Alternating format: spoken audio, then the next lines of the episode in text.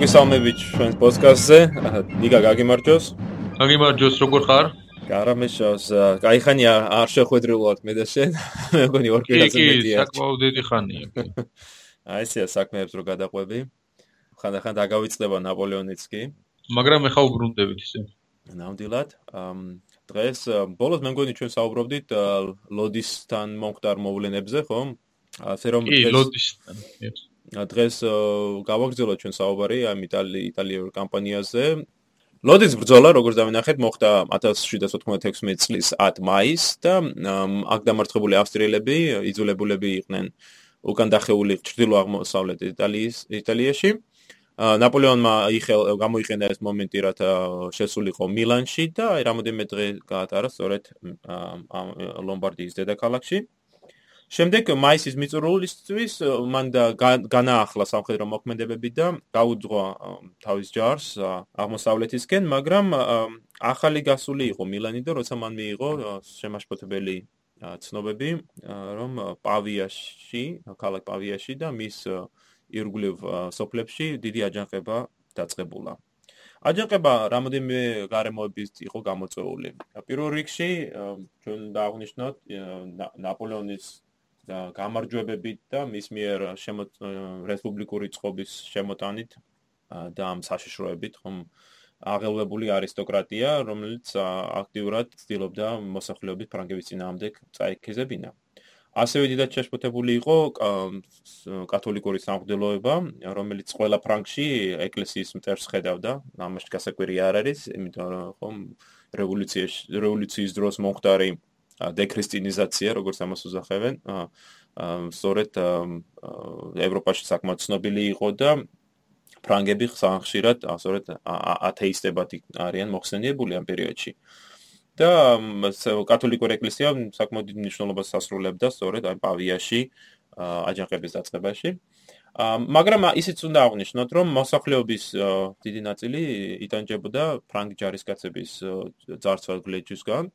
ჩვენ აღნიშნეთ რომ წინა პოდკასტში რომ ნაპოლეონის ჯარი სადაც ახალ ახლად ოკუპირებულ ტერიტორიაზე სწორედ საჭმლის და სურსასანოვაგის და ფულის რეკვიზიციას ახდენდა რაც ბუნებრივია, სწორედ ამ მოსახლეობის უკმაყოფილებას იწევდა. ნაპოლეონი ასაკურველია მიხვდა რა საფათო იყო ეს აჯანყება ფრანგებისათვის. აა თუნდაც იმიტომ რომ ავსტრიელები ჯერ ხომ არ ყავდნენ მას საბოლოო დამარცხებულები და ისინი კი დამატებით ძალებს ელოდნენ გერმანიიდან. შესაბამისად აჯანყება ზურგში და რომ წასულიყო თქვა ავსტრიელებს წინააღმდეგ ზურგში აჯანყებულ ხარეს ვერ დატოვებდა ბუნებრივია და მას უნდა ემოქმედა პირველ რიგში სწორედ აჯანყებულების წინააღმდეგ და ჩაეხშო ეს აჯანყება რომელსაც ალბათ ხარს უჭერდნენ უბრალოდ უფრო უთანაგზნობდნენ გენუისა და პიემონტის ხელისუფლებაც. ამიტომ არ უფიქრია ნუ ამაზე ბევრი ნაპოლეონის მსტრაფადვე მობრუნდა აჯანყების შესახშობად. ერთი ბრიგადა გაგზავნა უბრალოდ და ერთი ორი სოფელი გადაწყვეტილებას მანგზაზე. ქალაქში 800000 ამბოხებული გლეხი იყო ამ დროს პავიაში და ადგილობრივი სამღვდელოება და ეს არისტოკრატ არისტოკრატები მეთაურობდნენ მათ. ფრანგებმა აიღეს ქალაქი ადვილად და ზარბაზნების ერთი ორი გასტროლა საკმარისი გამოდგა რომ გლეხები გაქცეულიყვნენ ბუნებრივია ისინი ფრანგების ჯარს წინააღმდეგობას ვერ გაუწევდნენ და ფრანგების კავალერია გაეკიდა მათ და საკმაოდ ბევრი დახოცა კიდევაც ნაპოლეონი ესე დროს საერთოდ ძალიან მკაცრი იყო, რადგან იცოდა რომ საჭირო იყო ასეთი ზომების მიღება, რომ ესეთი რაღაც მეორედ აღარ განმეორებინა. უნდა აღნიშნოთ, რომ ამ ხრივ აღსანიშნავია თუ რა გააკეთა მან პატარა სოფელ ბინასკოში, რომელიც მილანიდან დაახლოებით 15 კილომეტრის მანძილზე მდებარეობს. სოფელი გამაგრებული იყო მთის მთის ფერდობზე და იქ გლეხები გამაგრებული იყვნენ და წინააღმდეგო გაუწიეს ფრანგულ ფრანგულ ჯარს. ნაპოლეონმა როგორც ის წერს პერტიას და მიწერილ წერილში, ეს ციტატა არის: პავიისკენ მიმოვალ გზაზე ჩვენ შევხვდით 1000-მდე გლეხს დაბა ბინას სოფელ ბინასკოში. ჩვენ ავიღეთ სოფელი რის შემდეგაც დავხრიტეთ 100-მდე გლეხი და ძირფესიანად გადავწვით სოფელი, რათა დანარჩენი რეგიონისათვის გვეჩვენებინა თუ რა ბედი ელოდა მათ. და ეს სწორედ ამ ბინასკოში მომხდარი მოვლენები ხას უსვავს თუ რა მიდგომა ქონდა ნაპოლეონს ამ ამბოხებთან ურთიერთობაში. ნაპოლეონს ჯეროდა ეს კიდევ ერთი ციტატა არის, რომ ხოცვა ჟლეტვა არის პოლიტიკური, როგორც მან აღნიშნა, პოლიტიკური მედიცინის ერთ-ერთი მთავარი წამალი. და შენ როგორც თქვი ნიკა ნიშნულოვანი მომენტების დროს ნაპოლეონის საკმაოდ გულცივი და სასტიკი იყოს. მას შემდგომში წერს კიდევ 10 წლის შემდეგ ამ მოვლენების შემდეგ 10 წლის შემდეგ ჟუნოს და მიწერილ წერილში ის აღნიშნავს. გახსოვს ბინასკო სწორედ იქ ჩატარებული კაცრი ღონისძიებით ჩვენ შევძელით მთელ იტალიაში წესრიგის დამყარებით. მართალია ჩვენ დამოუკალეთ რამოდენიმე ასეული, მაგრამ ამით ათობით ათასი ადამიანის სიცოცხლე გადავარჩინეთო. ამავე დროს გენერალ ჰედუვილთან მიწერილ ერთ-ერთ წერილში 1799 წელს ნაპოლეონი წერს თუ შენ ოდესმე მოგიწევ ომში ჩაბმა, ომი უნდა აწარმოო დიდი ენერგიით და უმკაცრესი ზომებით. მხოლოდ ასე შეგიძლია შენ ომის უმოკლეს ვადაში მოგება, რითაც შენ ამ ომს უფრო ნაკლებ საზიანოდ გახდის კაცობრიობისათვისო. და აი სწორედ ამას ავლენს ნაპოლეონი მაპავის ამბოხების დროსაც, როდესაც არა მარტო სასტიკად უსწორდება გლეხებს ასობით ადამიანს ხრეთს, სხვა შორის გენერალ ლანი, რომელსაც ჩვენ შეხვდებით კიდევ არაერთხელ, აა უბრალოდ შემდგომში გენერალი ლანი ხომ ახლა მხოლოდ ახალგაზრდა ოფიცერი არის.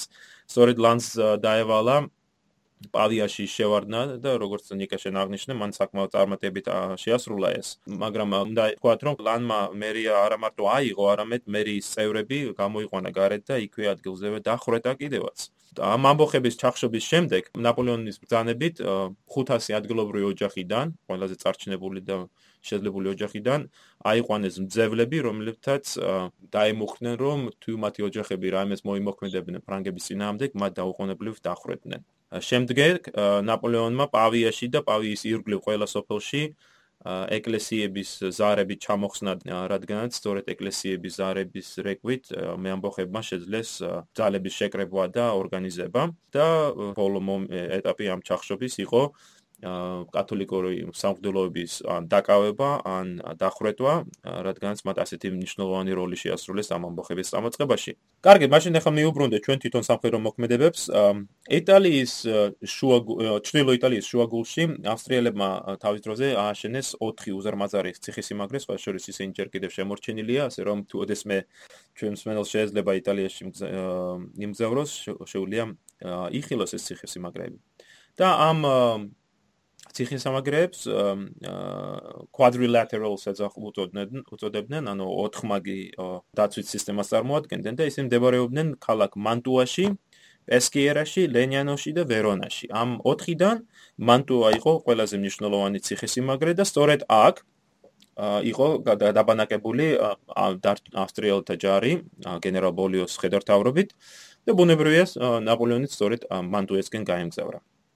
1796 წლის 2 ივნისს ნაპოლეონმა ალყა შემოარტყა მანტუას. ემის გათვალისწინებით, რომ ფრანგების ჯარი არ იყო საკმარისად დიდი, მათ არ ისინი არ ცდილობდნენ ციხესიმაგრის იერიში დააღებას, არამედ მის ბლოკირებას ცდილობდნენ, ხომ? კი, ნეიტრალიზება უნდა და თემძალებისა, რომლებიც ამ ციხესიმაგრეში იყვნენ, რათა მათ არ არ ჩართულიყვნენ ისინი ამ სამხედრო მოქმედებებში და ნაპოლეონის გეგმაში არ მოყოფილიყო. იყო გათვალისწინებული, რომ მოეწყვიტა ეს მანტუის დაცვა საერთოდ დანარჩენი სამხედრო მოქმედებებისაგან. აა სწორედ მინჩიოსთან შეტაკებები, რომელიც ამ პერიოდში დაიწყო, განსაკუთრებით დიდი ბრძოლები არ ყოფილა, გადალახვა ნაპოლეონს არ გაჭირებია მაინც და მაინც გადალახვა. აა ოჟეროს დივიზია გაგზავნა ნაპოლეონმა ესკიერასკენ და თითქოს ამით აჩვენა მათ რომ ნაპოლეონს უნდა გარდის ტბასთან გადამწყვეტი შეტაკება გაემართა, მაგრამ ბოლიომაც დაუჯერა ნაპოლეონს და თელი თავისი ჯარები გადაისროლა ამ გარდის გარდის ტვისაკენ დესაც ფრანგებს გზა გაუხსნა. ანუ ეგონა რომ ტიროლის ტიროლზე დამოკავშირებელ გზას გადაუჭრიდნენ ეს ფრანგები თუ იქ შეიჭრებოდნენ და ბონაპარტმა ისარგებლა ავსტრიელთა ცენტრი დასუსტებით და მინჩიო გადალახა ცენტრში მდინარე და როცა გაიგო ხა ბოლიომ ნაპოლეონი რო გადასული იყო უკვე მინჩიოზე უკან მოიყვანა ეს თავისი ჯარი ისევ ნუ და ადიჯეს გაყოლებით უკან დაიხია ავსტრიისაკენ. ძირში იტალიური კამპანიის პირველი ეტაპი აქ დასრულდა, თუმცა ბოლიომ უკან დაიხია ავსტრიისაკენ და ნაპოლეონი თითქმის მთელი ჩრდილოეთ იტალიის ბატონ პატრონი იყო ამ მომენტიდან. ხო, აქ მინდა აღვნიშნო, რომ გადამწყვეტი შეტაკება, რომლის შენ რომელიც გადაწყვიტა ხო, მაის ბედი იყო ბორგეტოსთან 30 მაისს სწორედ ჩვენ როგორც თქვი რომ მინჩიოს გადაკვეთისას ბოლიო იძულებული არის რომ დაიხიოს უკან. როდესაც ცნობა ეს ცნობა ავსტრიელთა უკან დახევის შესახებ ჩავიდა ვიანაში იმპერატორი ფრანცი განრისხდა და ბოლიო გადააყენა ხედართავრობიდან და მის ნაცვლად დანიშნა ახალი ხედართავარი ფილდმარშალი გენერალი დაგობერ ვურმზერი. მეტად საინტერესო პიროვნება მაგრამ ავსტრიელების ყაიდაზე ხო ისიც 72 წლის შორის ბოლიოს მსგავსად სამხედრო გამოცდილება 7 წლის ომში მიიღო, ანუ დაახლოებით 30 წლით ადრე. და როდესაც მაგრამ ბოლიოს განსხვავებით ცოტა უფრო წარმატებული კარიერა ჰქონდა მას ომის დროსაც და შემდეგ ავსტრო ავსტრიელსა და თურქებს შორის ომის დროსაც გამოიჩინა თავი, მაგრამ ვურმზერი ამ დროს იყო ავსტრიაში და ამიტომ მას მოუწევდა ალპების გადალახვა, რათა იტალიაში ჩასულიყო. მეორე რამ რაც უნდა აღნიშნოთ არის ის, რომ მართალია ნაპოლეონმა მოგაიმარჯვა იმ პირველ ეტაპზე, მაგრამ საკმაოდ მნიშვნელოვანი პრობლემები ჰქონდა. დავითხოვთ იმით, რომ აი ეს 4 დიდი ციხესიმაგრე, მანტუა, პესკიერა, ლენიანო და ვერონა ჯერ კიდე ავსტრიელთა ხელში ხელთ იყო და იმის გათვალისწინებით, რომ ვურმზერი ახლა გაუძღვებოდა ახალ შეტევას ჩრდილოეთიდან, შესაძლებლობა იყო, ხო, საკმაოდ დიდი ციხესიმაგრე იყო, რომ ნაპოლეონის ჯარი აღმოჩნდებოდა ორ ავსტრიულ ჯარს შორის, ხო, ვურმზერი ჩრდილოეთში და ეს დარჩენილი ავსტრიული ძალები 4 ციხესიმაგრეში. ასევე უნდა აღინიშნოს ის, რომ ნაპოლეონს კლავა აქვს პრობლემა საფრანგეთიდან დამხმარე ძალების მიღებისა. ამ დროისათვის მართალია დირექტორიამ შეძლო მისთვის რამოდენიმე 1000 კაცის გაგზავნა, რის შედეგად ნაპოლეონის თელი ჯარი 40000 კაცს აღწევს, მაგრამ მაინც ეს აშკარად არ არის საკმარისი იმისათვის რომ ერთის ხრივ დაიკავო ეს უზარმაზარი ტერიტორია რაც ფრანგებს ჩაუვარდათ ხელთ ხო ნიციდან უკვე მანტუამდე ეს მთლიანად ჩრდილო აღმოსავლეთ ჩრდილო დასავლეთ იტალია ფრანგების ხელში არის. ა ამავე დროს გააკონტროლო სოფლები და ქალაქები სადაც ამბოხება უკვე მოხდა თქვა პავიის ირგვლივ და შენ როგორც აღნიშნე პიედმონტში და გენუაშიც აღნიშნე შეიმჩნევა მღელვარებები. და კიდევ ერთი გარემოება რაც ნაპოლეონის ხელს უშლის არის ის რომ დირექტორია კლავ აქტიურად ერევა სამხედრო კამპანიაში და ურდანებს ნაპოლეონს რომ მოუხვიოს და სამხრეთისკენ და გეზი აიყოს რომზე სადაც დირექტორიის აზრით ბრძანებით უბრალოდ ნაპოლეონს უნდა რომის პაპისთვის თავზე მოეხვია ზავი ახალი ხელშეკრულება და ის გაეთიშა სამხედრო მოქმედებებიდან. და სწორედ ამ ასეთ რთულ მომენტში ნაპოლეონი იძულებულია ამ ამდენ პრობლემას ერთად შეეჭიდოს. ნაპოლეონმა წარმატებით გაართვა თავი ამ ამ ამ პრობლემებს დავიწყოთ იმით, რომ ხელისუფლებას დირექტორიას მიწერა წერილი და აუხსნა, რომ სამხრეთისკენ ჯარების გაგზავნა იქნება დიდი შეცდომა, რადგანაც ის კიდევ უფრო შეასუსტებს ფრანგების პოზიციას ლომბარდიაში, სადაც სწორედ გადამწყვეტი სამხედრო მოქმედებები უნდა შემდგარიყო ახლო მომავალში. შემდეგ ნაპოლეონმა მოიზიდა დამატებითი артиლერია იტალიის სხვადასხვა მხარედან, რომელსაც ფრანგები აკონტროლებდნენ, მათ შორის ბოლონია, ფერარა, მოდენა, აა სადაც ფრანგებმა შეძლეს ქვემეხების ჩახელში ჩაგდება და ისინი ახლა ამჯერად უკვე ფრანგების სამსახურში აღმოჩნდა. ასევე უნდა აღნიშნოთ, რომ 1796 წლის ივნისში ნაპოლეონმა ახალი კონტრიბუცია ჩაატარა ლომბარდიაში, რის შედეგადაც საფრანგეთში გაგზავნა 100-ზე მეტი ურემი დატვირთული სხულით და სხვა სხვა ნადავლით, მათ შორის იყო 2 მილიონზე მეტი ფრანკი ოქროს მონეტებით, რაც ბუნებრივია მეტად სასიხარლო ამბავი იყო საფრანგეთის ხელისუფლებისათვის, სადაც სწორედ რომელიც ამ ამ მომენტში ამ ეკონომიკურ კრიზისში იყო.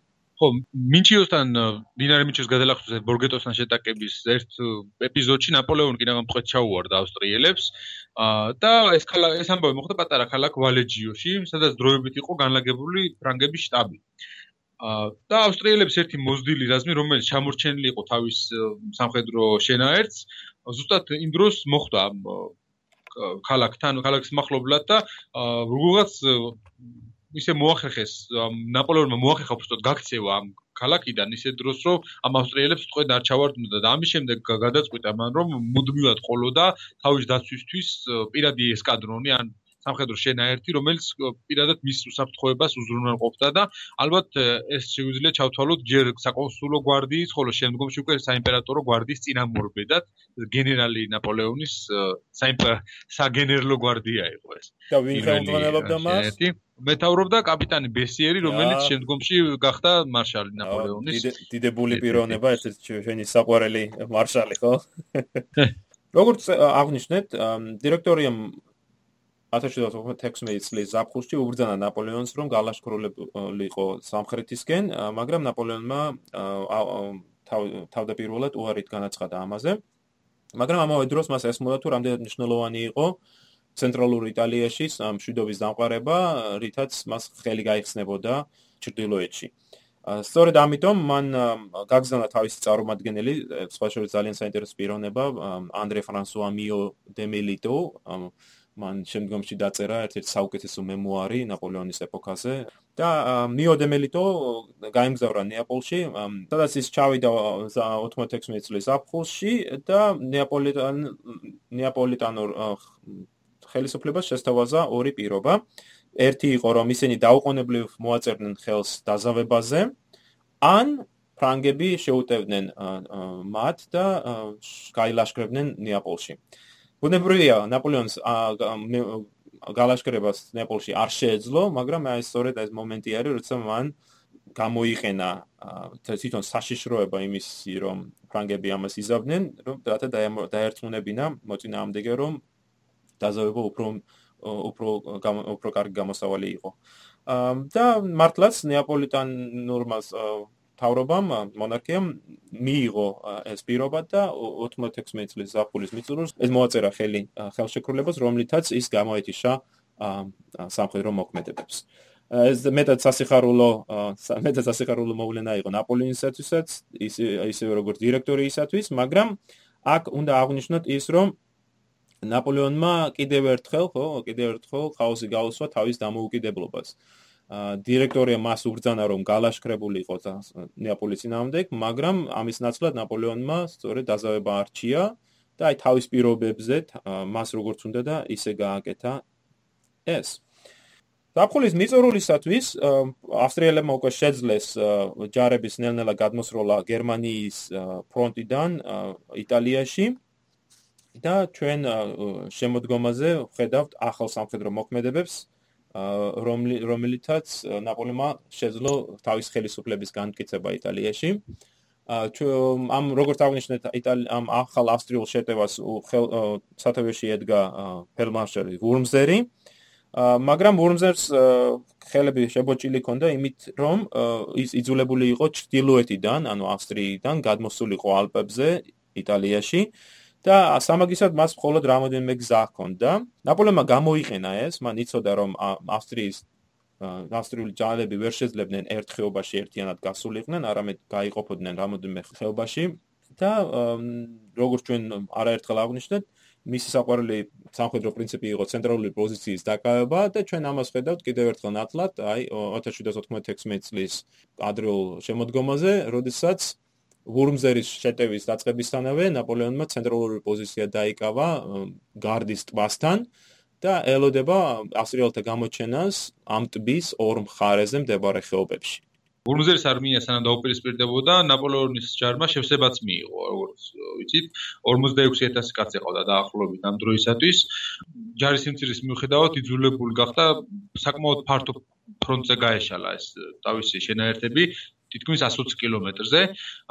მარცხენა ფლანგზე გენერალ სორეს დივიზია იდგა ქალაქ სალოს მიდამოებში, გარდის ტბის დასავლეთ სანაპიროზე, შუაში რივოლისა და ვერონას შორის მასენა იყო 15000-იანი корпуსით, მარჯვენა ფლანგზე ოჟერო და 6000 კაცი რეზერვის რეზერვს წარმოადგენდა და ცენტრსა და მარჯვენა ფლანგს შორის განლაგდა, თუმცა საჭიროების შემთხვევაში გამოეყენებინათ. მანტუასთან ისევ იდგა სერურიეს შენაერთი 8000 კაცი იყო დაახლოებით და ბლოკადა გრძელდებოდა. კლავინდებურად. აა მაგრამ ესე განალაგა ნაპოლეონმა ეს ჯარი, რომ როცა დასჭირდებოდა შეეძლო რომ მოეგროვებინა ისე სწრაფად და გამოეყენებინა აა მთელი თავისი ძალები. ალბათ ისე უნდა აღნიშნოთ აქ ისიც რომ ნაპოლეონის შენ როგორც თქვი დამხმარე ძალების მიღების შემდეგაც მაინც საკმაოდ პატარა ჯარი ყავს. აა 40000 ადამიანი კი ყავს ჯარში, მაგრამ აქედან დაახლოებით 10500 კაცი დარჩა მანტუასთან, რაც რის გამოც ნაპოლეონს კლიანობაში 30000 კაცი ყავს, როცა შეებრძოლოს ავსტრიელებს, რომელთა ჯარი, ამ ვურმზერის ჯარი, რომელიც ალპებიდან ხო, ალპებს ლახავს 35000 კაცს შეადგენდა, ამას უნდა დავამატო კიდევ მანტუაში განლაგებული დაახლოებით 20000 კაცი. და ნაპოლეონმა აი ცენტრალური პოზიციის დაკავების შედეგად განალა იზოლებულია ხომ რომ გაშალოს თავის ჯარი შენ როგორც აღნიშნე საკმაოდ დიდ ფრონტზე მარტო მარცხენა ფლანგზე როდესაც ის გზავნის ერთ ბრიგადას მხოლოდ იქ არის განლაგებული 5500 კაცი. ანუ აი ცენტრალურ პოზიციაში ნაპოლეონს ერთ ერთ ადგილას დაახლოებით 20-25000 კაცი თუ ეყოლება რათა ავსტრიელებს შეებრძოლოს ხო, ავსტრიელებმა შეტევა ივლისის ბოლოს დაიწყეს, ხუთი კოლონით უტევდნენ ისინი ფრანგებს. ყველაზე მარჯვენა კოლონას გენერალი კვაჟდანოვიჩი მეტაურობდა, თითქმის 20000 კაცი იყო და ეს კოლონა დაიწყა გარდის ტბის დასავლეთ სანაპიროსკენ მიიწევდა აა სალოსა და ბრეშიას მიმართულებით და მისი ამოცანა იყო ფრანგებისთვის გადაეჭრა მილანთან დამაკავშირებელი საკომუნიკაციო გზები.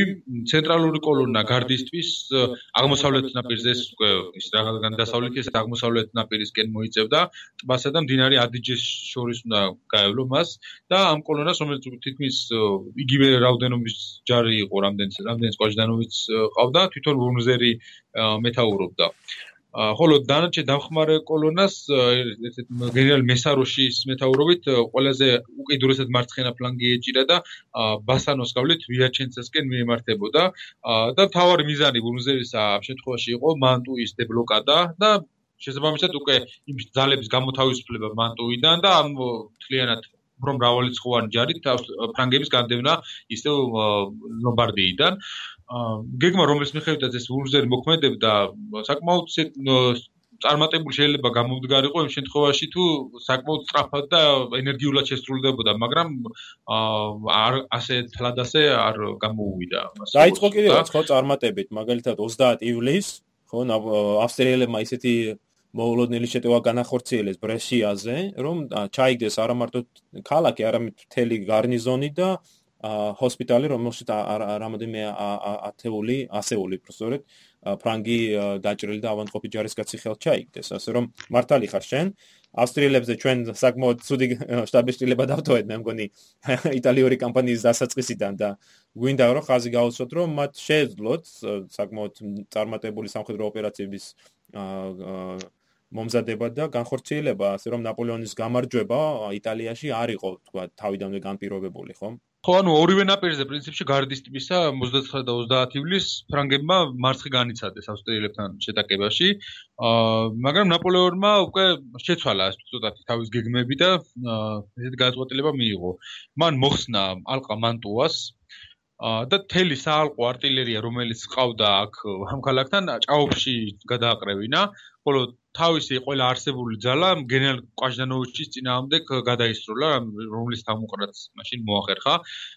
და ეს საკმაოდ ცეთი უცნაური ნაბიჯი იყო. თითქმის მთელ საარტილერიო პარკზე, რომელიც ამდენი ხნის განმავლობაში აგროვებდა ნაპოლეონმა უარი თქვა, მაგრამ შემდეგ ასეთი რაღაც თქვა, რომ თუ გავიმარჯვეთო артиლერიას გვექნება და ყველაფერი და თუ დამარსდითო აღარ დაგჭირდება ეს артиლერიაო. მართლა უცნაური იყო, იმიტომ რომ ანტუის ალყის მოხსნა გულისხმობდა 179 ქვემეხის ხალხში ტბაში გადაყრას, ანუ რომ ჩვენ არ ვსაუბრობთ 1, 2 ან 10 ქვემეხზე, ანუ 179 ქვემეხის მოშორება ეს საკმაოდ სერიოზული ჩანაფიქრი არის, მაგრამ აი ეს რადიკალური გადაწყვეტილება, რომ артиლერია გადაესროლა და გაინთავისუფლებინა თავისი ქვეითი ჯარი, კიდევ ერთხელ ხას უსვამს ნაპოლეონის ახალ მიდგომას ომისადმი.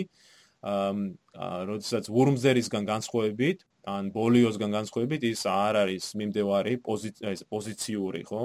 აა სამხედრო მოქმედებების, არამედ მას სურს მოწინააღმდეგის ცოცხალი ძალის განადგურება აა რის შემდეგაც მას კარგად ესმის რომ ეს ციხისიმაგრეები დაეცემა. ხო, ეს ბურმზერის მანევრმა მანტუისკენ დასვლამ ნაპოლეონს საშუალება მისცა რომ ამ პირველი დღის ეს მასეთი მოლუდნელი შეტევების შემდეგ ცოტა შეესვენა თავი სული მოეთქვა. და ყველა თავისი ძალა შეკრება მან და თავარი პუნქტისკენ გაგზავნა სადაც დინესაბას ლონატოს მიდამოებში დაიწყეს თავმოყრა ფრანგებმა. მაგრამ მდგომარეობა მაინც საკმაოდ მძიმე იყო ამ პერიოდში.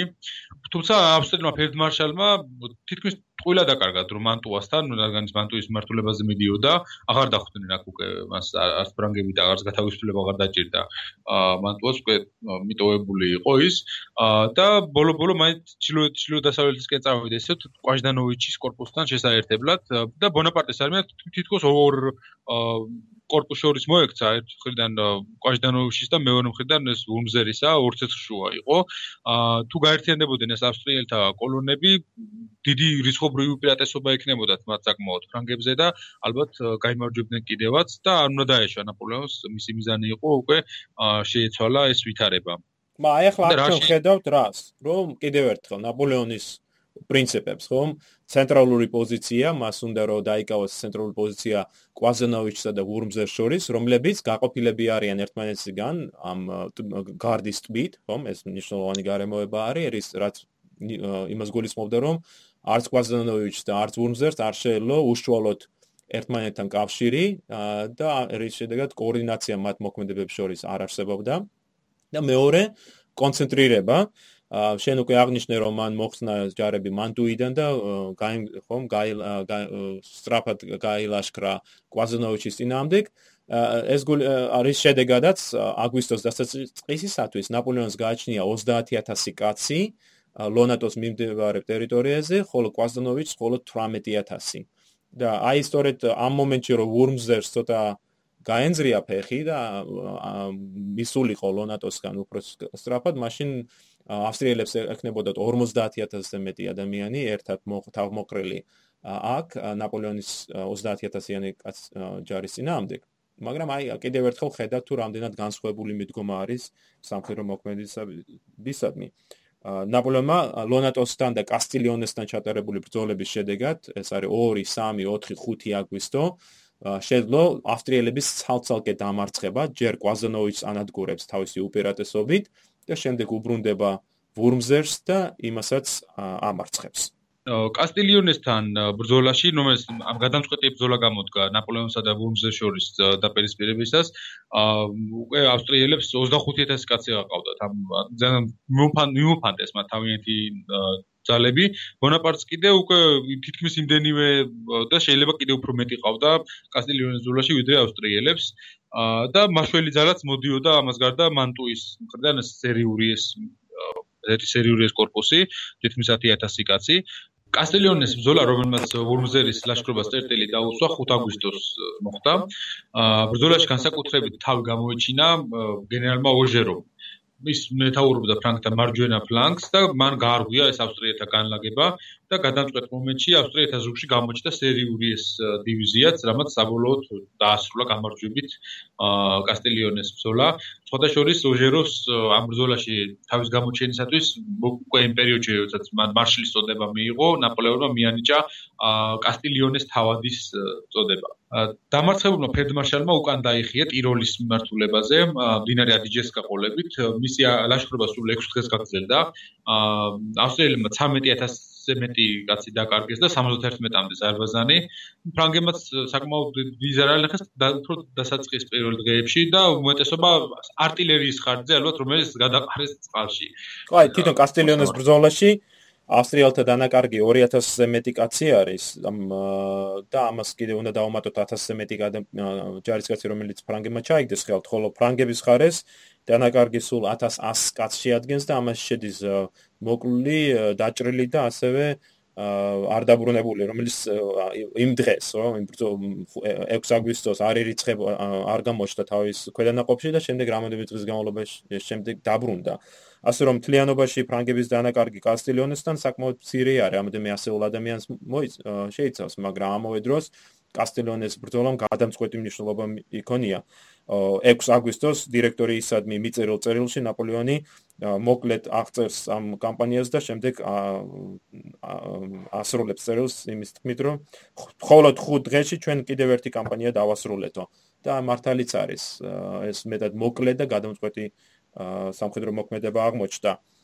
მანტუაში გამოკეტილი 16000-ზე მეტი ავსტრიელი ჯარისკაცი კლავ ბლოკადაში აღმოჩნდა ფრანგები დამბრუნდნენ, დაიწყეს ციხესიმაგრის ბლოკადა და წყალში გადაყრილი არტილერიის ამოტანა და სამსახურში დაბრუნებას, ხო? აგვისტოს ბოლოს ნაპოლეონმა მიიღო შეტყობინება, რომ ვურმზერი კვლავ ცდილობდა ახალი შეტევის დაწყებას.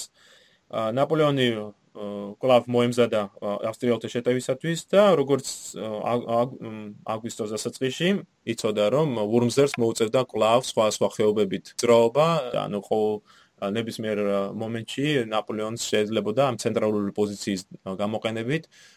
უფრო რიცხობრივად უფრო პატარა ავსტრიელი ჯარების დამარცხებას სექტემბრის დასაწყისში ნაპოლეონმა დაზვერვის მეშვეობით შეიტყო რომ ვურმზერის ძირითადი შეტევა იქნებოდა ვალაგარინას ხეობაში რომელიც ადიჯეზე იყო ადიჯეს მდინარეზე.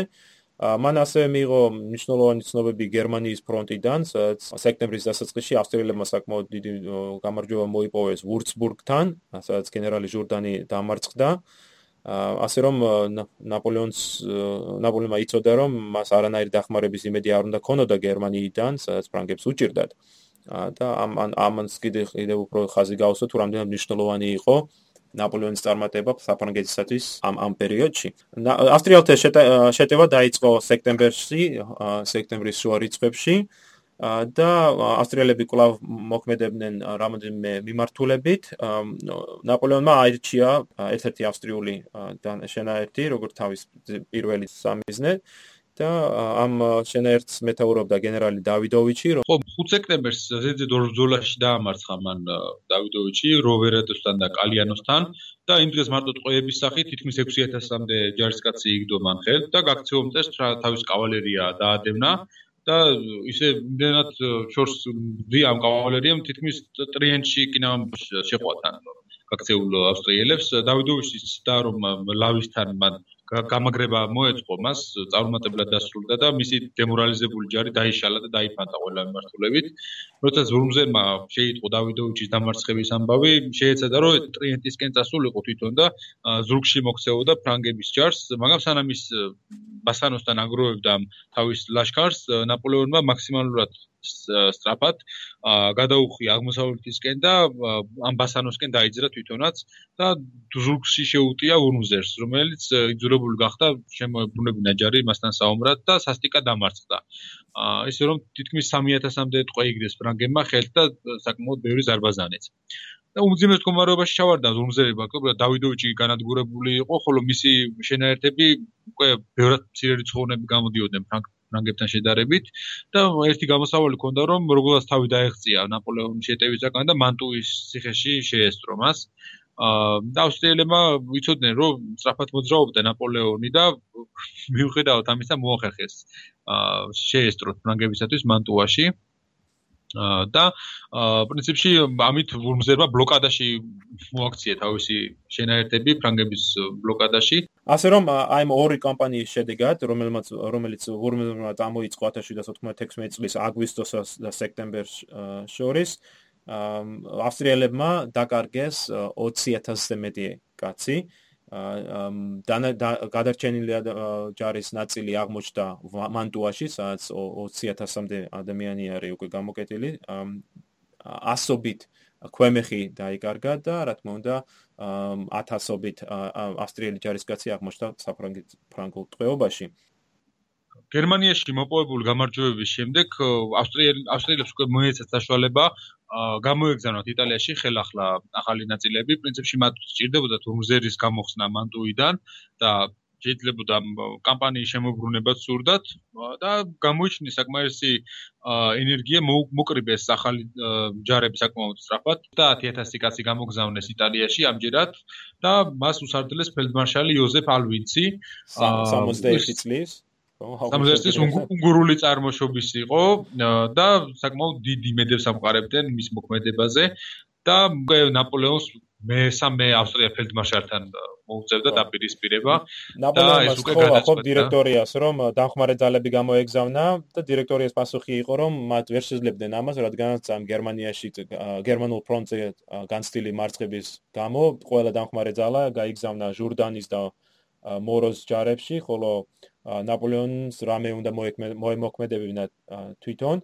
და ამის შედეგად მას კიდევ კიდევ ერთხელ აღნიშნავთ რომ არის მას გააჩნია მხოლოდ 40000 ადამიანი ჯარისკაცი რომ შეებრძოლოს ალვინცის ჯარს რომელიც ალპებიდან მოდის და ვურმზერის ჯარს ჯარს რომელიც მანტუაშია გამოკეტილი ავსტრიელთა გეგმა დაახლოებით ვურმზერის მეორე ლაშქრობის მსგავსი იყო. ის ორი ძირითადი კოლონისგან შედგებოდა, ამ შემთხვევაში ეტევა.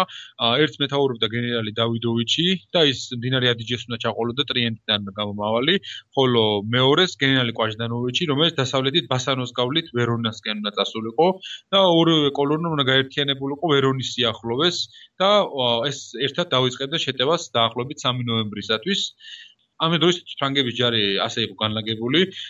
ჩრდილო-დასავლეთით ტრიენტოსა და ლავისტაში საერთაც ანუ მიიწევდა გენერალი დავიდოვიჩი, გენერალ ბობუას დივიზია იდგა, ვერონაში იყო გენერალი ოჟერო, ხოლო მასენა თავის შინაერთით იყო მდინარე ბრენტაზე. ფრანგების ჯარის საერთო რაოდენობა 30 10-32000 კაცს აღწევდა ამ ფრონტის ამბულანსი. დავამატოთ მანტუასთან განლაგებული დაახლოებით 1000. ხო, 9000 კაცი დაახლოებით, ხო, გენერალ კილმენის მეთაურობით.